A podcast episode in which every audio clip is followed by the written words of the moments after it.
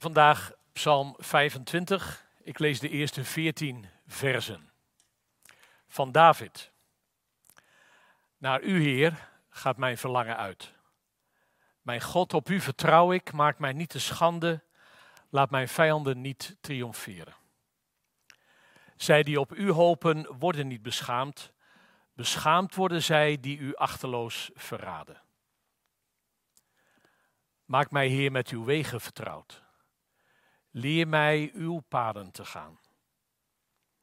Wijs mij de weg van uw waarheid en onderricht mij, want u bent de God die mij redt. Op u blijf ik hopen. Elke dag weer. Denk aan uw barmhartigheid, Heer. Aan uw liefde door de eeuwen heen.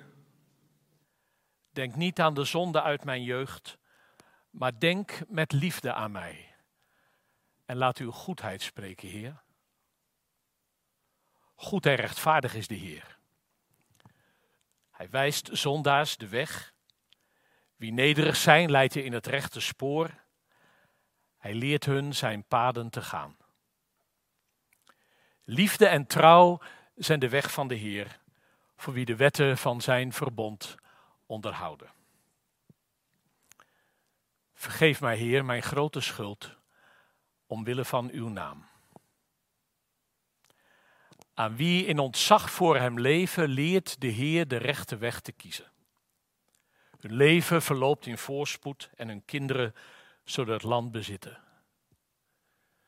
De Heer is een vriend voor wie hem vrezen. Hij maakt hen vertrouwd met zijn verbond.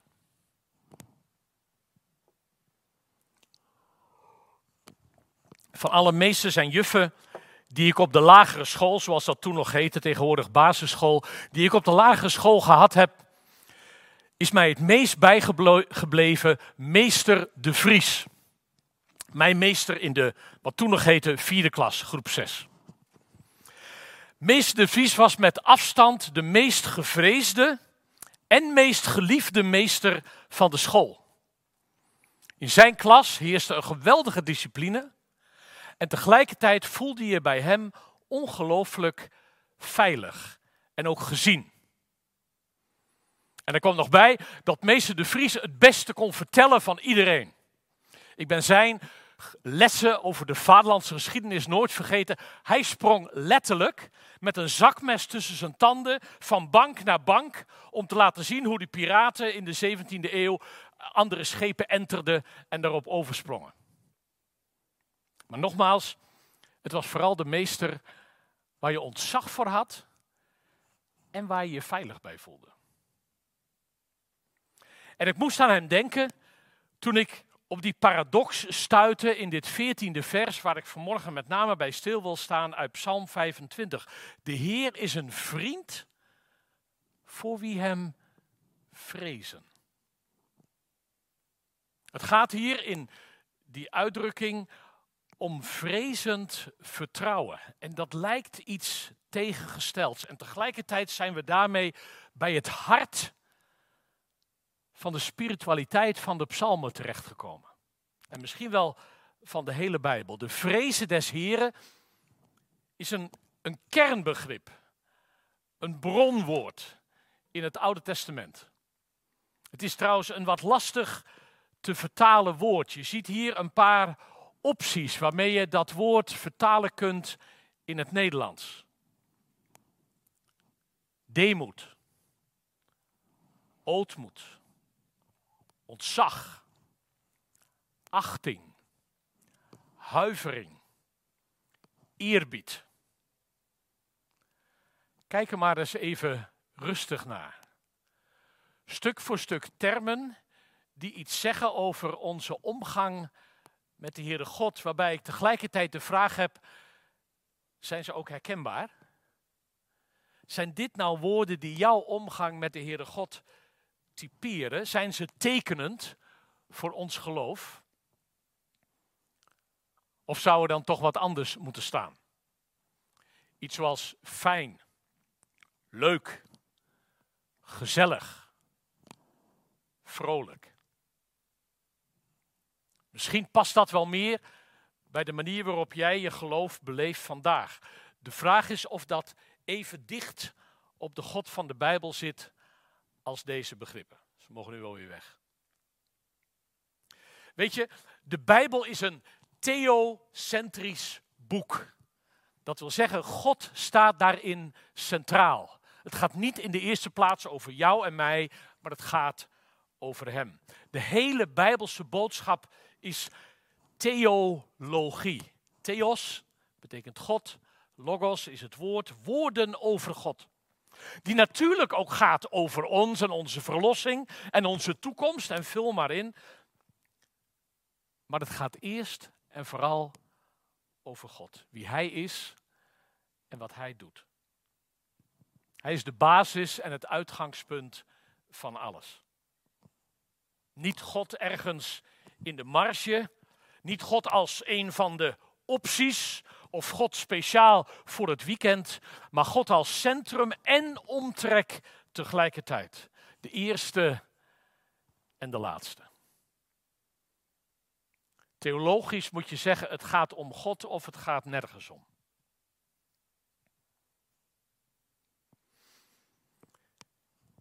Het is misschien wel de eerste en meest fundamentele les in de leerschool van het geloof. Zoals Rick Warren zijn boek Doelgericht leven ook begint. Het gaat om God en niet om jou. It's all about God. It's not about you. Paulus die zegt dat ook heel mooi. Helemaal aan het eind van Romeinen 11, als die elf hoofdstukken lang de breedte, de diepte en de schoonheid van het evangelie heeft uiteengezet. En dan concludeert hij als volgt, lees maar mee. Alles is uit hem ontstaan. Alles is door hem geschapen. Alles heeft in hem zijn doel. Hem komt de eer toe tot in eeuwigheid. Lees het nog maar eens na voor jezelf.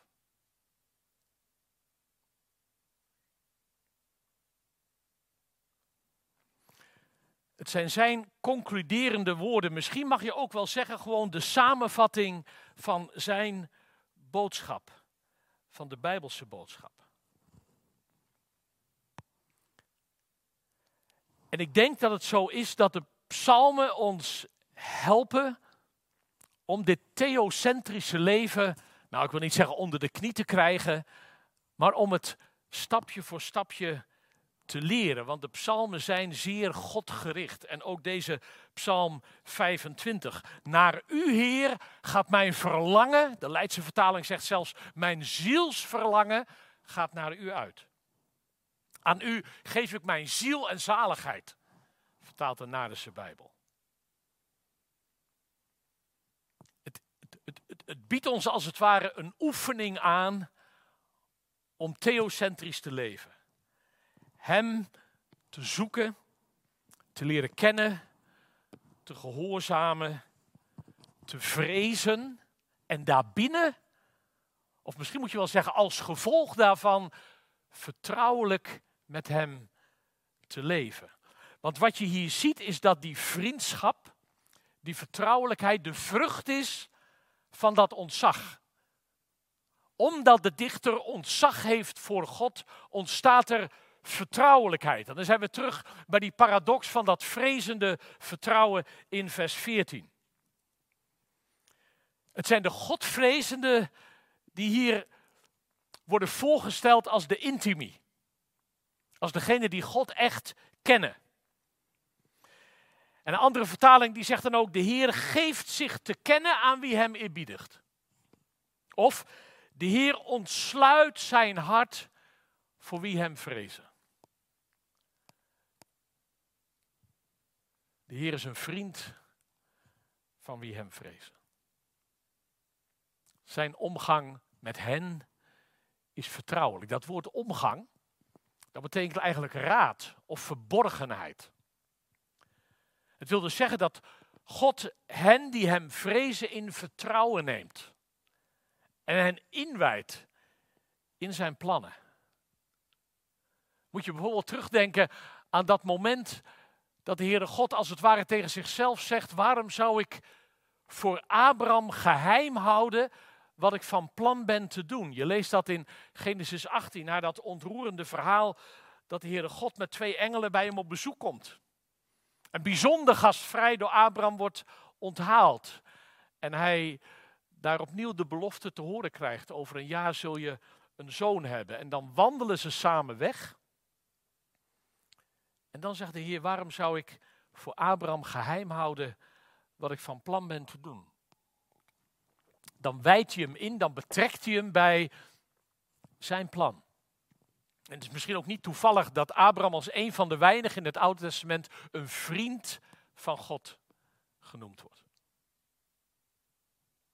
En dat betekent dat wie hem vrezen, zijn wegen leren kennen. En ook mogen leren kennen. Daarbij betrokken worden. Dat deel van uit mogen gaan maken. En, en, en vandaar die nadruk ook in deze Psalm 25 op leren, op onderrichten, op de weg gewezen krijgen. Maak me hier met uw wegen vertrouwd. Leer mij uw paden te gaan thematiek die vaker terugkomt in de psalmen, die eigenlijk in psalm 1 al de toon zet. Hè? door die omgang met dat woord voortdurend in je om laten gaan om te leren te wandelen in de wegen van de Heer. Want dat is het natuurlijk vooral. Te leren om ze te gaan. Niet zozeer kennis hier, zelfs niet alleen kennis hier, hoe wezenlijk en belangrijk beide ook is, maar je ontvangt in de schriften altijd kennis om die toe te passen. Om te wandelen in de wegen van de Heer. En dat is een levenslang proces. Dat is een vorm van wat wij dan in onze opleiding noemen permanente educatie. Zelfs als je diploma hebt ontvangen, dan word je nog geacht om je te blijven ontwikkelen. En zo is het eigenlijk ook in het christelijk geloof. Als je even je, tot geloof komen of je doop beschouwt als je, uh, als je diploma, maar ik zeg dan liever als je startbewijs, dan, dan van daaruit begint die weg. Begint dat ontdekkingsproces begint dat leren Gods wegen te gaan. En met een van de leermiddelen zijn we al een aantal weken onderweg. Het boek van de Psalmen. Al lezend, al zingend, al biddend, al etend. Het door je heen laten gaan. Mag je je gaandeweg ontwikkelen tot een, tot een mens, tot een man, een vrouw, een jongen, een meisje. Die Gods paden gaat. En daar mag je in groeien. Dat is ook wel mooi om te zien. Hij begint met in vers 8 de zondaars die de weg wordt gewezen. En daar verderop zijn het de nederigen die hij in zijn spoor leidt. En tenslotte zijn het zij die ontzag voor hem hebben. Er zit er een ontwikkeling in. God begint bij de zondaars. Je hoeft niet gelijk op een of ander hoog niveau te zitten. Begin maar gewoon waar je bent. En dan gaat de Heere God je les geven. Dan neemt je bij de hand. Dan leert hij je over vergeving over leven uit genade. En naarmate je zijn genade meer leert kennen, word je een nederiger mens. Ga je ook meer beseffen waar je vandaan komt en waar je naartoe gebracht bent. En groeit je ontzag. En zo leer je stap voor stap nieuwe dingen. Ontdek je stap voor stap steeds meer over wie God werkelijk is. Ook in zijn heiligheid, zoals we deze dienst begonnen. is een vasthoudendheid. Maar ook in zijn goedheid en zijn liefde, waar deze psalm over spreekt. God begint waar je bent. En vandaar mag je verder gaan. De meester waar ik het meest van heb geleerd en het meest aan heb gehad, was meester de Vries. Die meester met die combinatie van ontzag en vertrouwen. Wil jij God dieper leren kennen, dan is de boodschap van vanmorgen ontwikkel ontzag voor Hem. Wees je ervan bewust dat je heilige grond betreedt als je in Zijn nabijheid komt, als Zijn woord opengaat. Dat je op dat moment op heilige grond bent, heilige woorden mag lezen en je toe mag eigenen. Wie heeft lust de Heer te vrezen. Zo klinkt deze psalm in de, in de berijming. Misschien ken je hem nog wel. Misschien van heel vroeger. Misschien nog van recent. Wie lust den Heer te vrezen? Taler hoogst en eeuwig goed. God zal zelf zijn leidsman wezen, leren hoe hij wandelen moet. Weet je wie er lust heeft de Heer te vrezen? Ik ken er een. Je komt hem tegen in Jesaja 11. Die messiaanse profetie. Uit de stronk van Isaïe schiet een telg op. Een scheut van zijn wortels komt tot bloei.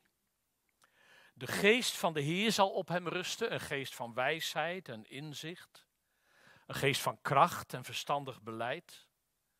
Een geest van kennis en eerbied voor de Heer. Hij ademt eerbied voor de Heer. Vind ik zo'n mooie zin. Hij ademt eerbied voor de Heer. Wij worden in deze weken, in deze maanden, via de Psalmen Challenge uitgenodigd en gestimuleerd om eerbied te gaan ademen. Op het ritme van de psalmen. Zodat God zijn hart voor ons steeds meer kan ontsluiten. En we vertrouwd worden met zijn wegen. We lief gaan hebben wat hij lief heeft. We af gaan wijzen wat hij afwijst. We gaan verlangen wat hij verlangt. En we gaan zoeken waar hij naar zoekt. En zo steeds meer op hem gaan lijken. Want des Heren vertrouwelijke omgang is met wie hem vrezen.